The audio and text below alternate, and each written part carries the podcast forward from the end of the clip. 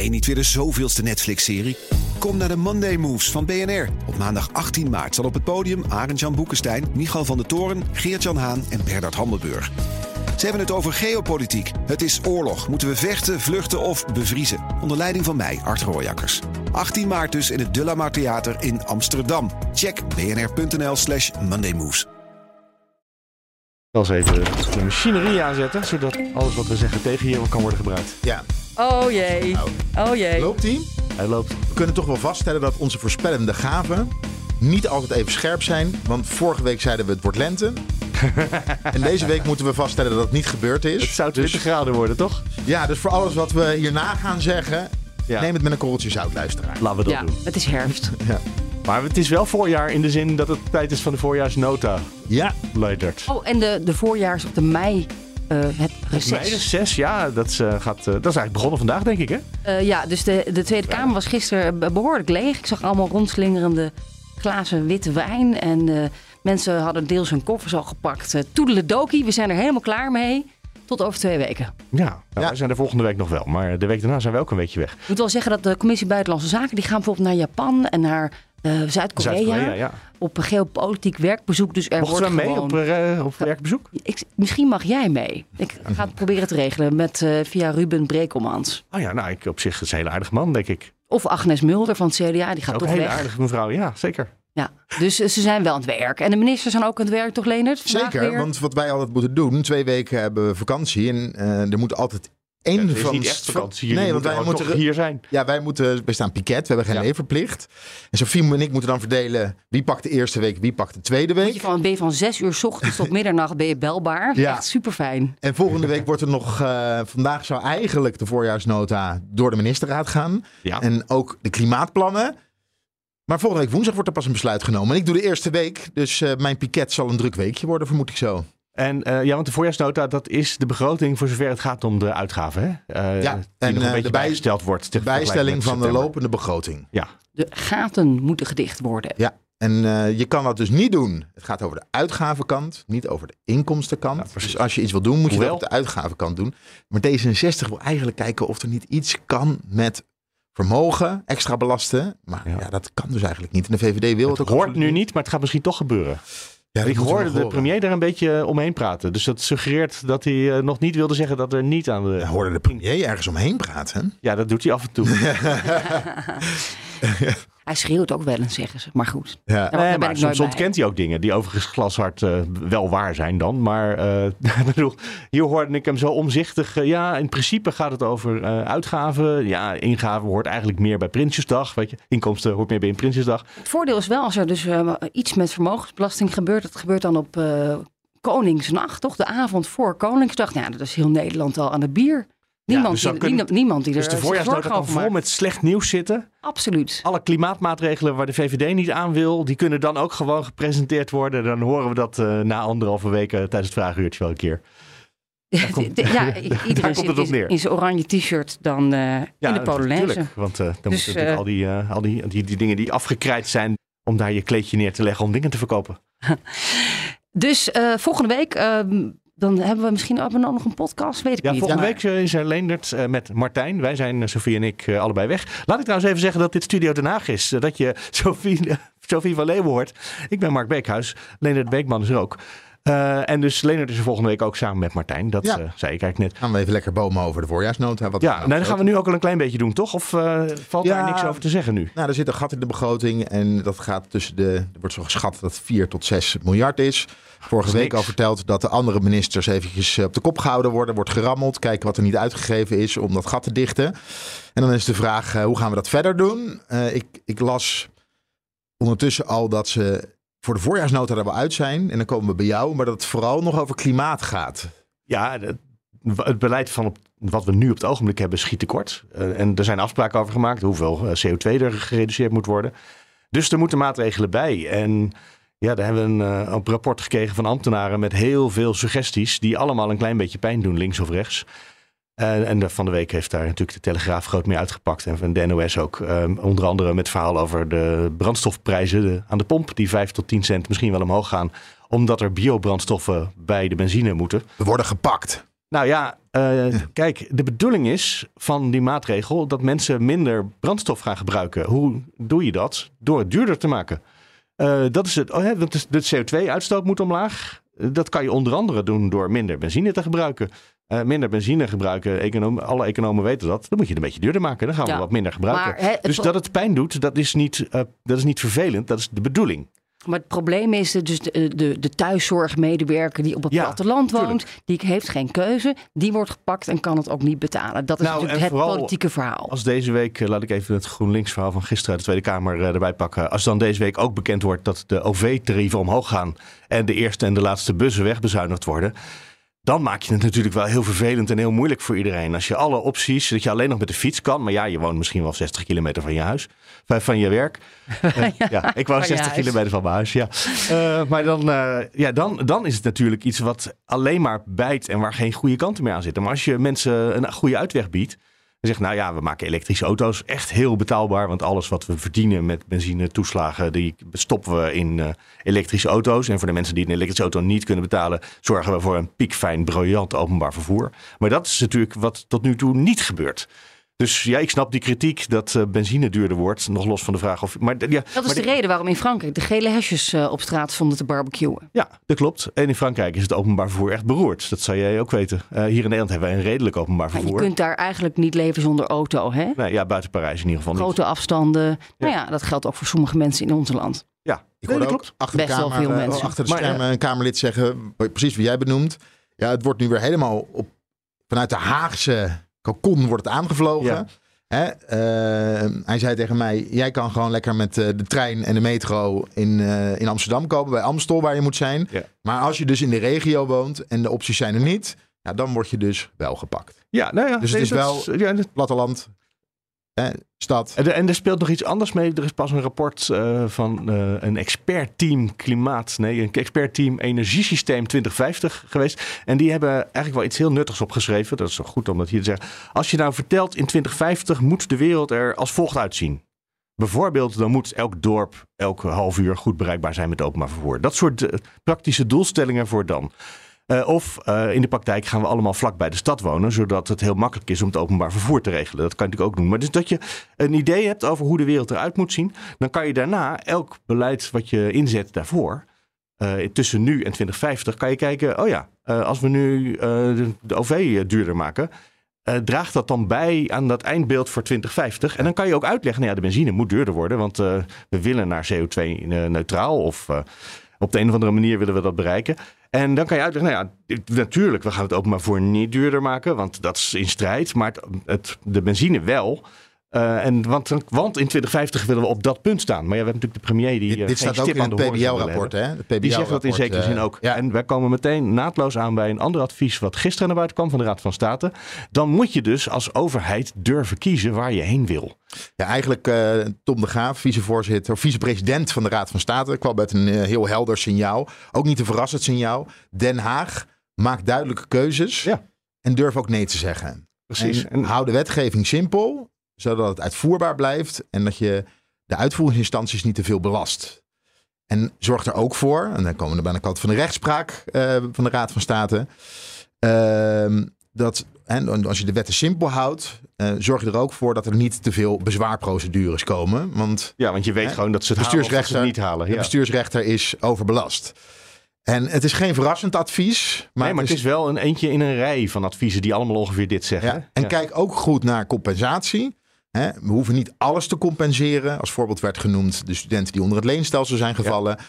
Ehm, die, ze krijgen nu een compensatie, kost allemaal geld, maar durf ook af en toe nee te zeggen. De, de overheid Dat is, ook overal maken, schuldig eh, aan. Maar ja, dan komen we ook even uit bij Groningen en de voorjaarsnota. Er moet ook een beslissing genomen worden over eh, de eerschuld richting, eh, richting Groningen. Ja, nou durf maar eens nee te Een zeggen. herstel- en versterkingsoperatie. Groningen zelf vroeg 30 miljard en dan nog zonder schade en herstel. We kunnen nu bij de NOS lezen dat dat op 20 uit gaat komen met, met Ja, inclusief, ja, precies. Waar de SP meteen weer boos over was. Want die zeiden dat is niet, het is niet eens ja, genoeg Sandra voor de Beckerman. Ja, eh, zelf woonachtig in Groningen. Ja. Eh, daar ook gedeputeerde geweest, meen ik toch? Ja, hè? Ja, en, En- nou ja, statenlid. statenlid. Statenlid, ja.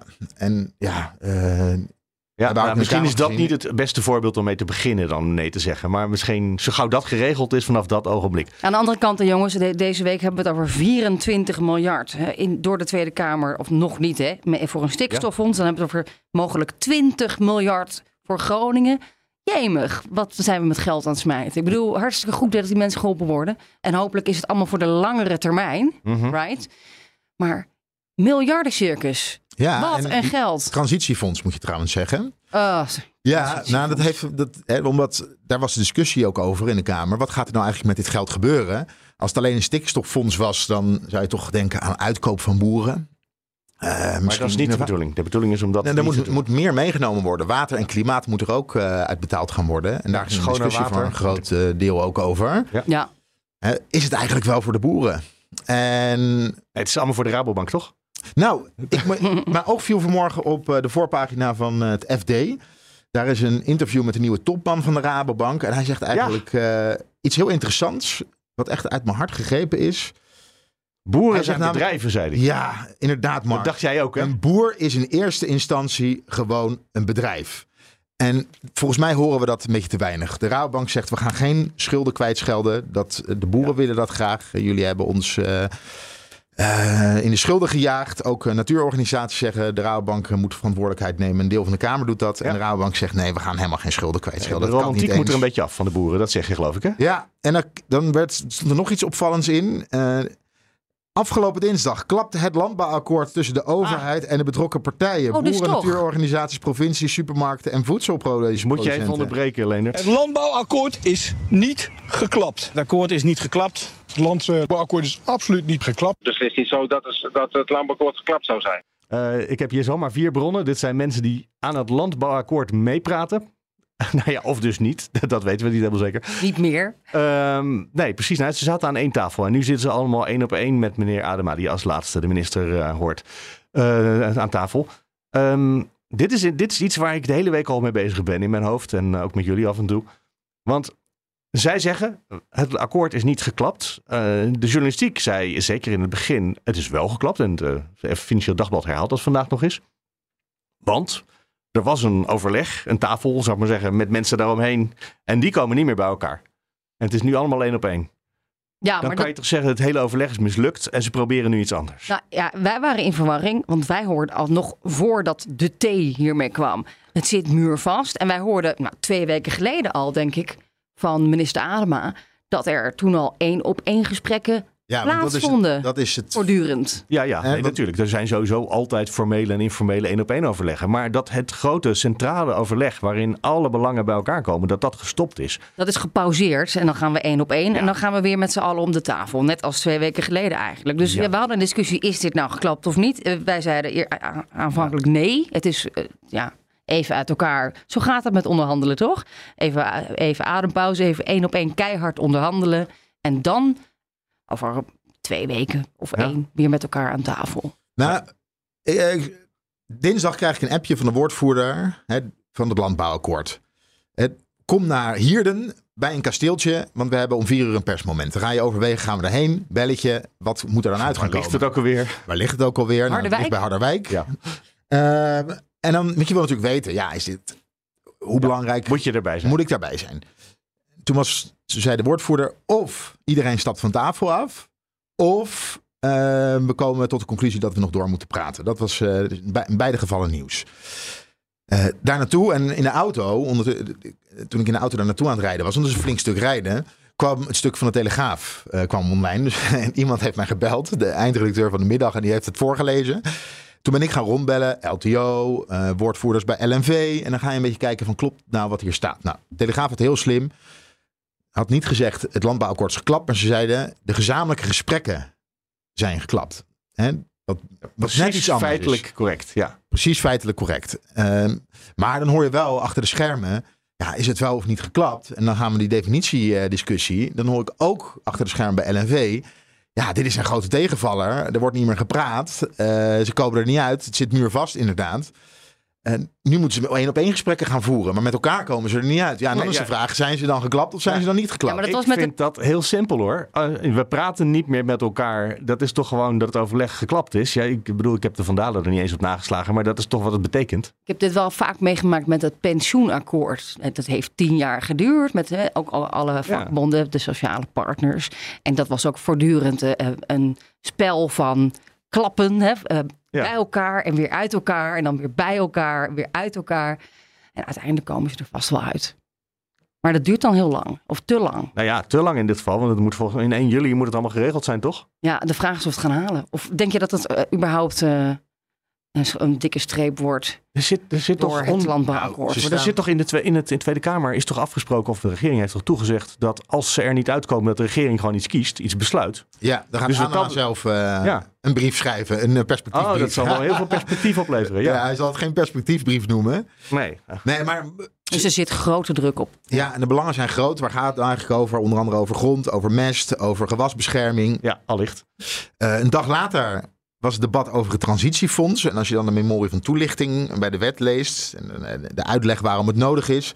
dan komt het landbouwakkoord en visie en perspectief... komt er de hele tijd in terug. Onder andere ook 2030. Want er moet namelijk om dat transitiefonds op te richten... moet je weten waar het geld naartoe gaat. En om te weten waar het geld naartoe gaat heb je perspectief nodig. En om perspectief te hebben heb je het landbouwakkoord nodig. Noem maar Oh, op. ik zie een, een probleem. Ja, dat is ook een Het probleem. moet allemaal tegelijkertijd geregeld worden. Om het Ja, en ze zaten daar dus een dag voordat er over dat transitiefonds gesproken Ja. werd. Maar waar ze het wel over eens worden, alle partijen aan tafel, is dat er meer geld uit Den Haag moet komen. Ja. En Dan- Daar is Den Haag het misschien weer niet mee eens. nee, dus je komt er met elkaar niet uit. Maar je hebt één punt waar je het wel hè, over Ja, behalve dan En dat, is Adema geld. Nee, eh, die nee zegt dan op dat ogenblik zo van meer geld. Jullie krijgen al 20 miljard man. Nee, 24. nou, het gaat over de verdeling van dat geld. Want wat zij namelijk willen, ze willen, door, ze willen doorgaan met boer zijn. Ja. En dus een heel groot gedeelte van dat fonds is gereserveerd om boeren uit te kopen. En er is maar een klein gedeelte gereserveerd Ja. om te kijken naar transitie van de landbouw. Opkoop van land. Hè, de, eh, de, de, de, eh, hoe noemen ze het ook weer? Landschapsgrond. hoe heet het? Ja. En ze willen een groter aandeel ervan hebben. Daarvoor moet Adema naar Van der Wal toe. Ja. En Van der Wal wil dat geld niet geven. Dus wat ze gedaan hebben, is dat ze een blok zijn gaan vormen. En tegen Adema hebben gezegd, ga zorgen dat er betere budgetten komen. Ja. En daarna gaan we weer verder praten. Dat is wat er is gebeurd. Oké, dus, dus dat is, ja, ik hou het even vol bij dat ik denk dat het geklapt is. En dit is een journalistiek ding ook, hè? Want moet je nou mee. De, de betrokkenen zelf zeggen alle vier, die wij net hoorden, het is niet geklapt. Wij van buitenaf hebben misschien het idee van wel. Eh, dus hoewel Sophie daar iets genuanceerder in staat dan ik. Met mijn pensioenakkoordervaring, Ja. ja. Ja, ja, ja. Nee, maar ik snap, je je kan een heel aantal keren een nieuw overleg beginnen. Het Eh, is, en het is op onderdeel het oog- van, op een het, ogenblik, op het ogenblik is het geëxplodeerd. onderling, Ja. van, een van, van een onderhandelingstraject. ja, t- traject Maar of moeten eh, wij nou in onze, in onze verslaggeving meegaan met de woordkeus van die mensen? Of moeten we gewoon zelf zeggen, nee, maar wij zien... Ze zeggen allemaal eh, dat het eh, niet regent, dat het droog is. Maar ik kijk naar buiten en ik zie dat het regent. Dan mag ik toch zelf opschrijven dat het regent. Nou, van der Tak vroeg, Ondanks wat ze zeggen. van der tak vroeg ik. eh, ja, het is niet geklapt, zegt u. Want zo kwam die ook gelijk naar buiten. Het is niet geklapt. Maar het is toch ook niet geslaagd? En vertel dan eens, waar komen jullie het met elkaar dan? Hè, waar zijn jullie het over eens? Ja. Nou, en er worden eigenlijk geen, want dat probeer je. Je probeert te polderen, je probeert tot compromissen te komen. Die compromissen zijn er niet. Er zijn alleen eisen. En dat is natuurlijk niet slagen van een landbouwakkoord. Want je komt helemaal niet tot compromissen. Je komt alleen tot een eisenpakket. En dat is nou expliciet niet de bedoeling van dit landbouwakkoord. Dit, het idee is dat ze gezamenlijk tot een, eh, een andere vorm, een andere toekomst voor de agrarische sector komen. Ja, en dat, die andere toekomst, eh, dat perspectief ligt er helemaal niet. We zijn hier al bijna een jaar over aan het praten, Leendert, over Ja. perspectief. Nou, Weet je nog? Snel doorgaan naar het onderwerp. Jemig. Eh, een nieuw perspectief. Dat is ook een mooi bruggetje wat je zomaar onbedoeld aan mij meegeeft. Eh, het vertrek van eh, meneer Heijink van de SP uit de Tweede Kamer, Sophie. Een van de vele Kamerleden die besloten heeft ergens anders heen te willen. Ik, ik Nieuw perspectief. zag een leegloop eh, uit Den Haag, uit de Tweede Kamer deze week. Het was eh, echt de een naar de ander die zijn lidmaatschap opzegde. En het officiële afscheid van Maarten Heijn van de SP. Vanwege zijn eh, ja, schattige kinderen die in de zaal zaten en zijn vrouw. Daar wil hij meer tijd voor maken. Aan de orde is het eh, afscheid van collega Maarten Heijink. Allereerst speciaal welkom eh, aan de vrouw en de drie kinderen van, uh, van Maarten Henk. Ik zei net al, de, de jongste die, die liep hier al echt van die trap af. Ik zeg echt de jongste SP'er die meteen al wilde interruperen. Dus dat, uh, dat, dat zit er al, al goed in. Maar ik zei net ook tegen, tegen Maarten, ik snap misschien nu nog wel meer dat je afscheid neemt, laat ik het zo zeggen. ja. Ja, ze gaan hem missen. Dat zie je, dat hoor je. Dit is dus een van de grote talenten van de coronacrisis. Het Kamerlid geliefd, eigenlijk door iedereen, denk ik, om zijn inbrengen tijdens de, ellenlange debatten, keer op keer weer met Hugo de Jonge en Mark Rutte. Altijd goed ingevoerd. En ja, ik, best wel veel ja, treurige, treurigheid in de wandelgangen. Dat die um, man ons gaat verlaten. Gewoon een goed Kamerlid. Ik zag hem ook nog even in het trappenhuis. Hij wilde niet met ons uh, in nee, een interview. Niet terugblikken op zijn prachtige tijd daar. Hij zegt, hij heeft ook geen burn-out. Het, het, gaat op zich prima met hem, maar het is gewoon preventief. Uh, ja. Veel geweest. Maar en niet alleen tijd hij is weg. Ik bedoel, uh, wie gaat er nog meer? Agnes Mulder gaat ook weg. Van het CDA. Nog, ging nog iemand van het CDA Jacob Geurts van het CDA gaat Precies. weg. Die ook al allebei de hele tijd uh, natuurlijk in Den Haag rondlopen. Uh, er was ook nog een D66er die uh, afgelopen, was het vorige week van de Beukering, geloof Ja. ik, burgemeester wordt. Ja, burgemeester. Uh, Jacco Geurts wordt Waarnemend burgemeester. burgemeester. En Agnes Mulder gaat voor VNO-NCW Noord werken. En ik vroeg me daar wel bij af, van ja, wat zijn nou de beweegredenen? En Ja. het is natuurlijk... Je denkt, het zijn CDA'ers voor een deel. Uh, de SP die valt wel, en, en D66 ook, maar het zijn voor een deel CDA'ers. Uh, ja, dat gaat niet zo goed met die partij. Er komen over een tijdje Ja. verkiezingen. Dat Ja, is, ja, als, je, als je een mooie, een mooie aanbieding krijgt voor, eh, voor een nieuwe baan... zeg je vriendelijk ja hoor. Ja, want misschien is het na de zomer wel afgelopen. En dan heb je die mooie baan niet. Ja. Ja. Het- Het zijn ook, eh, even ter Maar nuancering, dit is Kamerleden. cynisch. En het is niet altijd zo, denk Die- ik. Ja, die, eh, de Agnes Mulder heeft tien jaar in de Kamer gezeten. Mhm. Geurs denk ik nog langer. Ja, oh, voor mij al allebei ongeveer tien jaar. Ja, dus eh, dat is echt, eh, dat is, in Den Haag is dat lang. Dat is langer Ja. dan gemiddeld. Dat is een heel, hele lange periode eh, waarin mensen best wel nou ja, hard hebben gewerkt. En, en ook misschien soms zeggen, het is tijd voor iets anders. Maar ja, ik, ik zie ook een leegloop, met name bij het CDA. Ook wel breder, dat je je afvraagt... Het is, hè, het is niet zo gezellig geweest in Den Haag de afgelopen periode. We hebben een rapport gezien deze week over schreeuwen in, Ja. in, in, in de politiek en grensoverschrijdend gedrag. Eh, Ik denk dat mensen er ook echt wel een beetje klaar mee zijn met, eh, met die cultuur. Dat denk En, ik ook. en de bedreigingen en alles wat er de afgelopen jaren is gebeurd.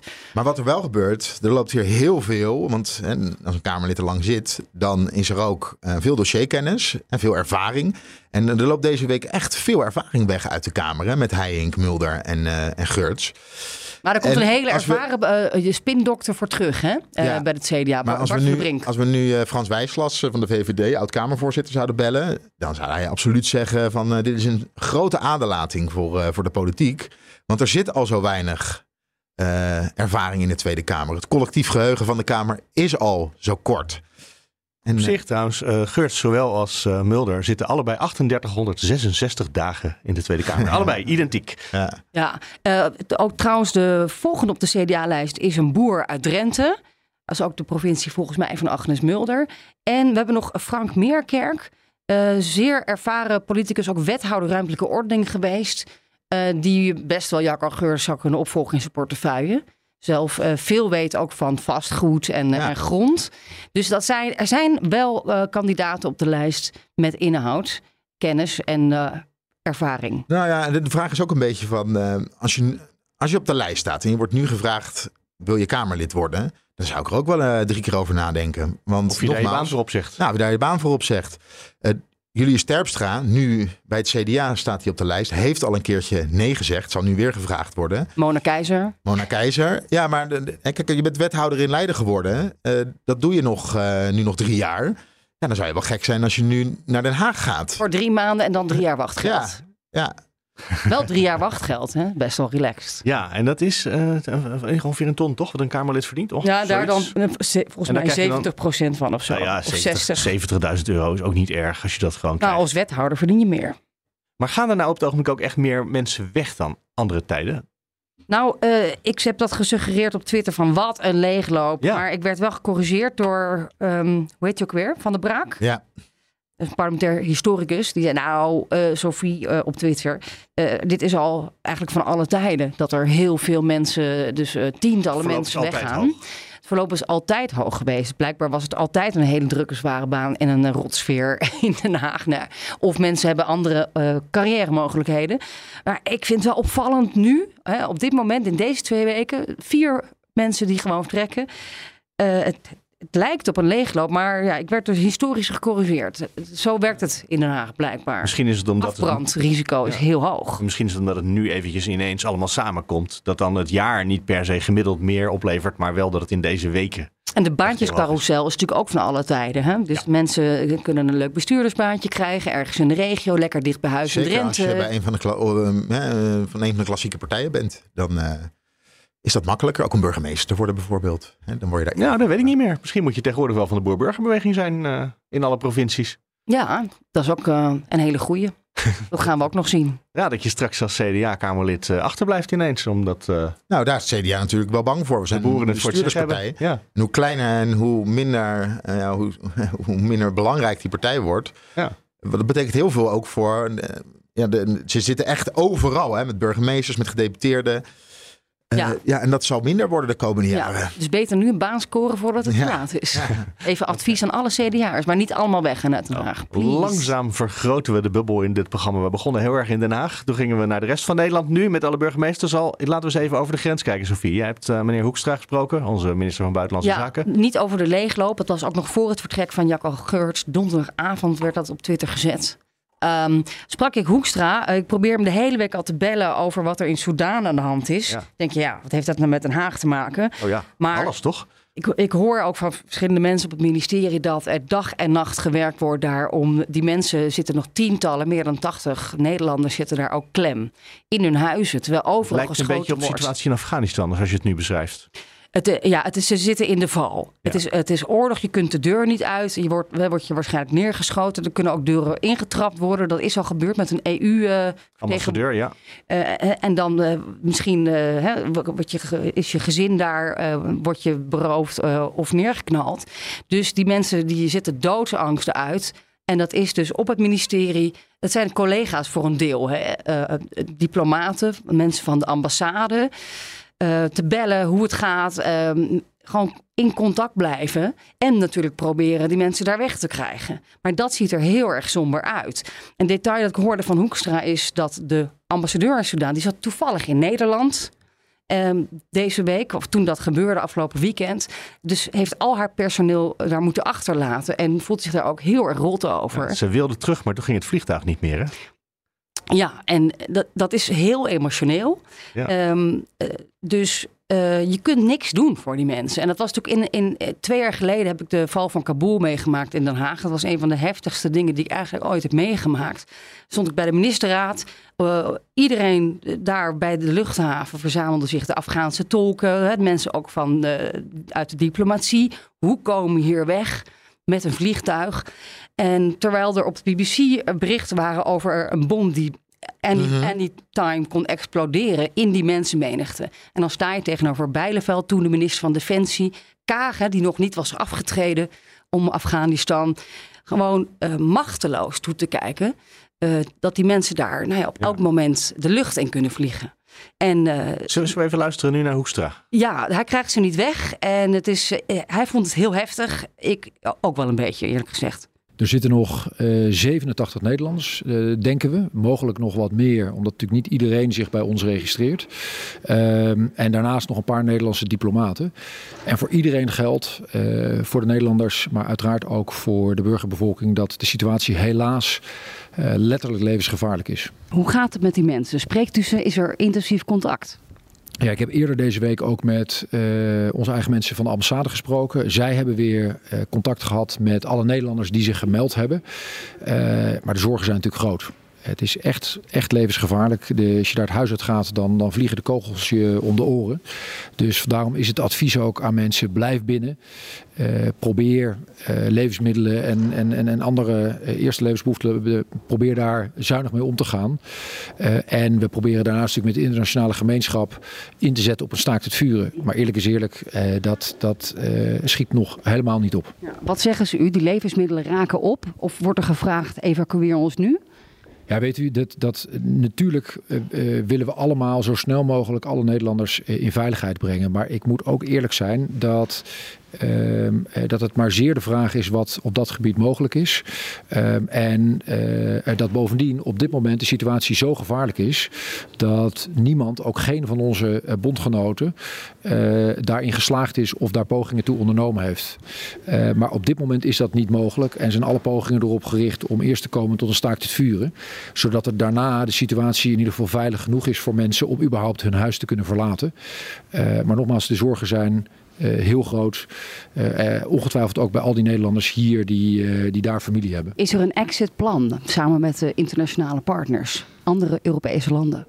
Nou, wij onderzoeken natuurlijk alle mogelijkheden. En het is niet voor niks dat we ook vliegtuigen hebben overgebracht naar Jordanië. en breed kijken met landen uit de regio, maar ook met onze nauwste bondgenoten, wat er wel kan. En, en op dit moment is überhaupt uh, het volstrekt onmogelijk om, om daar vliegtuigen te laten landen. Is er iets dat Nederland heeft geleerd van de val van Kabul? Bijna twee jaar geleden hebben we daar lessen uitgetrokken. Ja, maar dit is wel echt een volstrekt andere situatie. Het is wel belangrijk om dat te benadrukken. Uh, de reden dat er toen uiteindelijk, overigens ook onder zeer moeilijke omstandigheden, zo massaal is geëvacueerd door het Westen, is omdat bijvoorbeeld westerse diplomaten door de Taliban natuurlijk werden gezien als de vijand. Dat is nu niet zo? Nee, nu maken we ons natuurlijk uh, nog steeds grote, grote zorgen over, uh, over de veiligheid ook van Nederlanders. Omdat ja, überhaupt als er geschoten wordt uh, en mensen straks geen voedsel meer hebben en op zoek gaan naar voedsel, dat dat natuurlijk levensgevaarlijke situaties met zich meebrengt. Maar ehm, Nederlanders, Nederlandse diplomaten, ook, ook, ook anderen uit, uit Europa of van elders, worden natuurlijk niet gezien als onderdeel of steunend aan een van de strijdende partijen. Dus dat is gelukkig anders. Maar nogmaals, daarmee ben je niet in uh, in, in veilig vaarwater. Hoe zit het met het Nederlands bedrijfsleven? Zijn die actief daar? Hebben die personeel dat weg zou moeten of willen? Nou, in, die, in dat getal wat ik u noemde, uh, nu 87 mensen, uh, uh, daarin, ik kan niet daar een onderscheid in maken tussen mensen die in het bedrijfsleven werkzaam zijn of voor hulporganisaties werken. Dit is gewoon de totale, dit is de optelsom zoals wij die hebben. Maar nogmaals, ik ga er wel van uit dat er nog meer mensen zijn dan alleen degene die bij ons geregistreerd staan. Want dat leert de ervaring. veel mensen registreren zich in zo'n conflict, maar ook niet iedereen. En mijn oproep zou echt zijn, uh, ook naar iedereen in Nederland die dit hoort en die daar familie heeft. Zorg nou dat men zich bekend maakt aan ons. Uh, want hoe completer het plaatje, hoe meer wij ook uh, hopelijk op een later moment wel iets kunnen betekenen voor de Nederlanders ter plaatse. Hij klinkt ook een beetje aangeslagen, hè? Ja, dat was hij ook. Ja. ja. En we, ook, er is ook gevraagd, ook nog in, in de Kamer, over hoe zit het nou met Wagner, de aanwezigheid van de, de Russen ook, hè? Of de Russische, ja, laten we zeggen, de Russische paramilitairen, mag ik het zo zeggen. Ja. Het huurleger in Soudaan. Daar kan hij niks over bevestigen. Maar ja, er zijn natuurlijk berichten dat dit een veel groter geopolitiek verhaal is. Hè? Waarbij dus mogelijk de goudmijnen in Soudaan weer eh, de oorlog in Oekraïne zouden kunnen financieren. Nou, een verhaal dat je gewoon moet volgen, ook vanuit Den Haag, vind ik. Ja, ja en Sophie zegt, uh, uh, het is heftig. Ik weet achter de schermen bij Buitenlandse Zaken. Dat toen in Afghanistan dat, dat echt een traumatische ervaring is geweest. Ja. Alle ambtenaren ja. hebben in een soort crisisteam gezeten. Hebben dag en nacht gewerkt. Ja, hebben die telefoontjes. Ook met een aantal Kamerleden die heel uh, goed uh, netwerk daar hadden. De telefoontjes opgenomen. De verschrikkelijke verhalen gehoord van mensen die vastzaten. Hun kinderen niet meekregen. geen visum kregen. Tolk waren geweest. Hun leven niet zeker waren. En dat is echt heel heftig geweest. En dat zal nu weer hetzelfde ja, zijn. En, en, en wat ik dus hoor is dat het voedsel raakt dus op, heel langzaam. Dus mensen zitten klem. Ze kunnen dus niet eens boodschappen doen. En Hoekstra zegt, het gevaar is dat ze dan... Op een gegeven moment raakt het wel op. Dus het advies is, ga, hè, doe, doe maar twee sliertjes spaghetti... of wees zuinig daarmee nu. Probeer zo lang mogelijk binnen te blijven. Want als die... Uh, medewerkers van uh, die diplomaten gaan naar buiten gaan om voedsel te zoeken, dan gaan er doden vallen. Dat is nu de situatie. Dus je moet wachten, hopen op een wapenstilstand. Ja, die is elke dag afgekondigd volgens mij tot nu toe. Ja, ja maar, humanitair. Ja, maar in de praktijk komt het er niet van. Nee, dus het was wel weer even de wereld komt dan keihard binnen in Den Haag. Terwijl wij bezig zijn met is het geklapt, is het niet geklapt. Ja, een landbouwakkoord. Ja. ja, dit is wel even uh, nieuws van een andere wereldorde. Um, dus wordt vervolgd. Hopelijk, uh, hoop, hopelijk valt het mee. En het gaat natuurlijk niet alleen maar om Nederlanders hè, die daar sterven. Er zijn al honderden doden gevallen. Mm -hmm. Ja. Oh ja, al was het maar de bevolking klaar. Ja, precies. Dus eh, dat nog even erbij eh, vermelden. Ja. Ja. Zullen we voor het contrast dan maar iets heel leuks doen aan het eind, Leendert? het contrast kan niet schrijven, we gaan het toch doen, denk ik. Oké, iets leuks. Ehm, ja, want normaal eindigen we altijd met iets leuks eh, van Leendert. Maar ik denk dat we nu eindigen met iets leuks voor Leendert. En vooral voor de vrouw Ja. van Leendert. Eh, dit was van de week in de Tweede Kamer. Caroline van der Plas en eh, Dirk Boswijk van de Boerburgerbewegingen van het CDA. En eh, Boswijk, die eh, zijn huwelijk was tien jaar. Allereerst wil ik eh, de heer eh, Boswijk feliciteren met zijn eh, tienjarige huwelijk, trouwdag vandaag, meen ik. Ja, en het is een feest om met u in deze zaal te staan.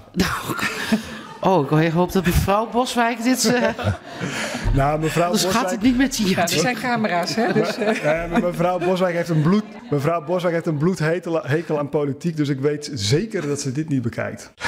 Misschien luistert ze wel podcasts. Ja. Ehm, luistert jouw vrouw eh, podcast? Nee, jouw ze vrouw, luistert- Leendert heeft ook een hekel, een bloedhekel aan politiek. Ja, en ze luistert eh, heel af en toe om eh, interesse te tonen in mijn werk. ja. Luistert ze eens een keertje als ik op de radio ben. En mijn dochter vindt het wel heel leuk als ik op de radio Dus ben. die hoort het misschien nu via... via. Ja, die, die, die- ze is drie, dus ze snapt er nog geen bal van. Die wordt ook journalist. Maar ik moet wel, nou, dat, ja, dat weet ik niet. Ze zegt, ze zit nu wel in de waarom-fase. Dus dat is een goede fase als je journalist wil worden. Ja. Ehm, maar het is af en toe wel heel verhelderend. Een, een, een, iemand in je omgeving of thuis hebben, als je in die Haagse bubbel zit, Ja. die echt met, eh, met andere ogen naar de politiek kijkt. En dat een goed voorbeeld daarvan is, twee weken geleden, toen het dreigde mis te gaan, of is het ondertussen alweer drie weken geleden, rondom alle gesprekken over toch stikstof. Hè? Ja. En eh, dat ze naar buiten kwamen met, we gaan versnellen, maar we gaan ook vertragen. Nou, mijn vrouw zag dat eh, in de krant zaterdagochtend. En die, die- ze, ze wierp een blik daarop en ze zei, ja, dit slaat nergens op. Gewoon alleen even dat. Zo van, eh, maar dit, dit, dit geloven mensen toch niet? En En volgens mij dachten de Haagse bubbel mensen dat ook wel hoor. ja, maar het is wel fijn om gewoon echt, echt eventjes gewoon van... Ja, een reality gewoon check. een reality check. Wij gaan het proberen te duiden en uit te leggen. Zo van ja, maar dan ga je naar 2025 en dan ga je later naar 2030. Nee, En, het is eh, gewoon flauwekul. Het is gewoon flauw. En het was even heel. Het werd voor mij in één keer heel helder. Nee, ik kan wel proberen om hier een soort iets logisch van te maken. Maar het is gewoon flauwekul. Mevrouw die, die wees me daar eventjes, eh, Oh, dan... eh, eventjes, eventjes op op die manier. Ja, dit, ik vind dit ook heel verhelderend, want dan is het gewoon geklapt, het overleg. Ja, mijn vrouw zou zeggen: het is, het is geklapt. Ja. Als je stopt met praten, dan is het geklapt. Ja. Ik, ik zit ook Misschien moeten we voortaan gewoon volledig in de vragen bubbel. wat mijn vrouw er, voordat ik hier naartoe kom, wat vindt mijn vrouw er eigenlijk van? Hè, dan ga ik gewoon met de Moeten we, moeten we jouw zitten. vrouw niet gewoon smiddags bellen? eh, Moet de Rabobank meebetalen aan het afkopen van de schulden van boeren? En dan zegt ze waarschijnlijk gewoon eh, ja of nee. ja, dan eh, is een boerenbedrijf, eh, is een boer eigenlijk gewoon een ondernemer? Dat je dat soort dingen gewoon voorleggen en dan eh, maak ik een lijstje en dan gaan we op die manier gaan we voortaan de politiek duiden. Ja, het lijkt me heel handig. Gewoon elke dag eh, even in de Daily Move uh, de vrouw van Leendert. Of de vrouw van Dirk Boswijk. Ja. Ja, precies. Die gaan we ook bellen. Dan kan ze ook thuis nog even bijpraten wat ze nou weer geleerd heeft op de radio. Eh, volgens mij komen we aan het einde. Ja. Van Studio Den Haag voor vrijdag 21 april is het alweer. Eh, tot volgende week zeg ik dan alvast namens eh, Leendert en eh, Martijn die de volgende week is. Ik ben Mark Beekhuis. Sofie van Leeuwen is er ook. Eh, maak er een mooie week van. Mooi meireces. Ja, veel plezier op Koningsdag. Eh, ook eh, Re- Republikeinen hebben dan een dagje vrij. En let op die voorjaarsnota of daar niet Ja. een heel slecht nieuws in zit verstopt. Op Ja, woensdag. dus als je, als je. Koningsnacht gaat vieren en je bent kapitaalkrachtig en Lees je bent van plan veel geld aan te, te gaan uitgeven, kijk nog wel of het kan. Hè? Die, diezelfde avond. Je hebt aardig wat vermogen opgebouwd. En daar zit je dan, met je ton op de bank. Wel een beetje saai, hè? Wil jij, als belegger, onderdeel zijn van het verleden of van de toekomst? Bridgefund is een slimme fintech die een brug slaat tussen de financiële behoeften van ondernemers en van beleggers. Dus wie belegt bij Bridgefund krijgt niet alleen een mooie vaste rente, maar brengt ook ondernemers in beweging. Echt waar, met die ton kan je zoveel betere dingen doen. Bridgefund. Make money smile.